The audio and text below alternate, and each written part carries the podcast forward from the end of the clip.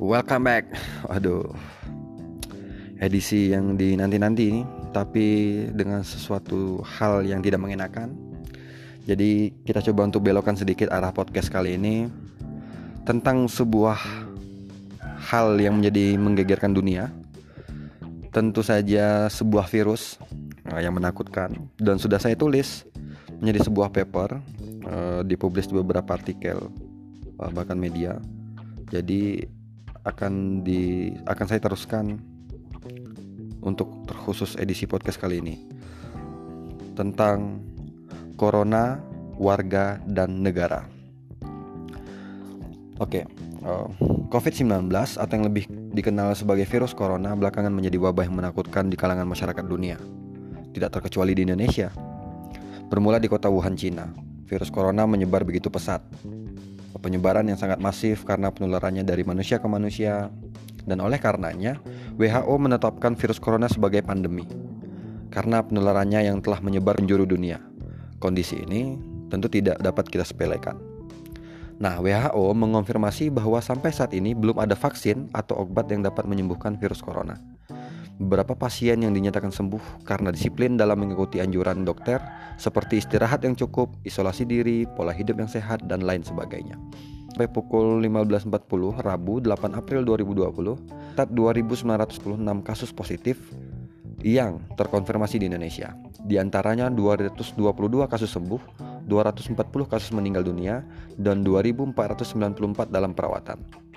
Angka ini menunjukkan bahwa corona telah menyebar begitu cepat di Indonesia.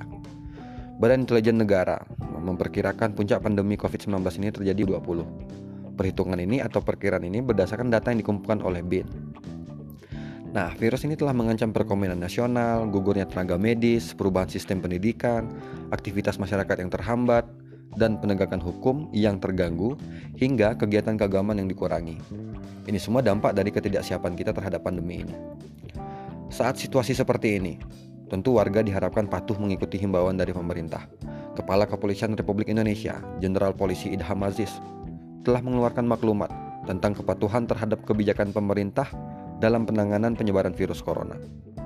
Namun, sering kali warga menjadi gagal paham dan memaknai hal tersebut dikarenai pemerintah terkesan gagap dalam menyampaikan informasi maupun solusi terkait banyaknya pernyataan yang tidak tepat menimbulkan stigma yang salah di lingkungan masyarakat. Tidak salat atau tidak sembahyang di rumah ibadah bukan berarti tidak taat. Tidak bekerja di kantor bukan berarti tidak bekerja.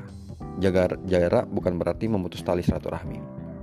Nah, bayangkan jika seluruh warga mematuhi himbauan pemerintah untuk jaga jarak, social distancing atau physical distancing, pola hidup sehat, cuci tangan di rumah aja, dan lain sebagainya, mungkin virus corona tidak akan meluas sebanyak ini.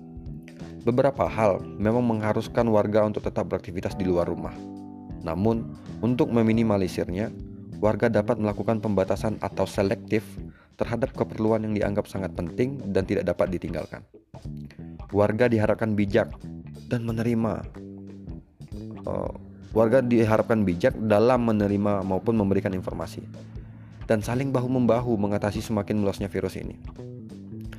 Serta patuh terhadap semua himbauan yang dilakukan pemerintah. Pada saat-saat seperti ini, memberi label negatif kepada pasien positif bukanlah sikap yang tepat. Kita, sebagai warga, gagap dalam menyikapi keadaan yang ada. Seperti tidak menerima pasien yang terpapar di lingkungan kita, menolak jenazah kasus positif, mengusir orang yang berasal dari daerah zona merah. Kita sebagai individu yang hidup di tengah-tengah masyarakat sering kali membenarkan sebuah kebiasaan, bukan membiasakan yang benar. Karena seharusnya kita menjauhi penyakitnya bukan orangnya.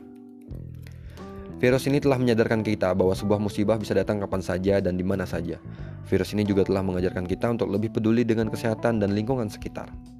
Maka dari itu, mengisolasi diri di rumah masing-masing, mengurangi aktivitas di luar rumah menjadi salah satu upaya yang dapat dilakukan untuk membantu memutus rantai penyebaran virus corona.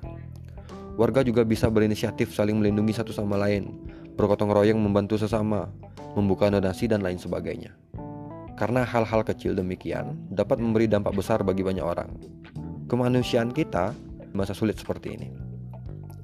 Presiden Republik Indonesia telah membentuk gugus tugas percepatan penanganan COVID-19 yang diketuai Kepala BNPB, Legend TNI Doni Monardo. Diketahui bahwa gugus tugas bentukan presiden ini bertugas dalam menyampaikan informasi terkait data-data perkembangan COVID-19 di Indonesia. Ada peribahasa solus populi suprema lex exto. Keselamatan rakyat merupakan hukum tertinggi. Negara dalam hal ini pemerintah hendaknya berada di garda terdepan dalam memastikan kesehatan rakyatnya. Dalam kondisi saat ini, pemerintah dituntut untuk cepat dan tepat dalam mengambil suatu tindakan. Namun faktanya, pemerintah tanpa ceroboh dan terkesan lamban dalam menentukan kebijakan, sehingga masalah ini semakin besar. Hal ini dapat dilihat saat awal wabah uh, hal ini dapat dilihat saat awal wabah ini semakin meluas. Pemerintah yang menyampaikan hal ini menimbulkan dampak yang amat serius. Lalu, apakah masih ada harapan kita kepada pemerintah untuk menyelesaikan pandemi ini? Pemerintah bukanlah ujung tombak dari pengentasan virus ini. Justru diri kita sendiri yang memiliki peran dan pengaruh besar agar rantai penyebaran virus ini terhenti. Saya dan kita semua uh, dihimbau untuk benar-benar patuh terhadap himbauan pemerintah. Cerdas dalam menyaring informasi, mengikuti ajuran ahli kesehatan dalam menjaga pola hidup sehat. Bekerja sama untuk melindungi dan lebih peduli sesama, serta meningkatkan ketakwaan kepada Allah Subhanahu wa taala. Nah, itu dia uh, tulisan saya mengenai corona warga dan negara. Jadi ada banyak poin dan tidak bosan-bosannya diingatkan kembali disampaikan lagi agar uh, wabah dan musibah ini benar-benar segera berakhir. Mungkin untuk edisi kali ini terima kasih. Salam hormat dari saya, stay safe, uh, jaga kesehatan, dan semoga kita bisa beraktivitas kembali dengan normal. Terima kasih.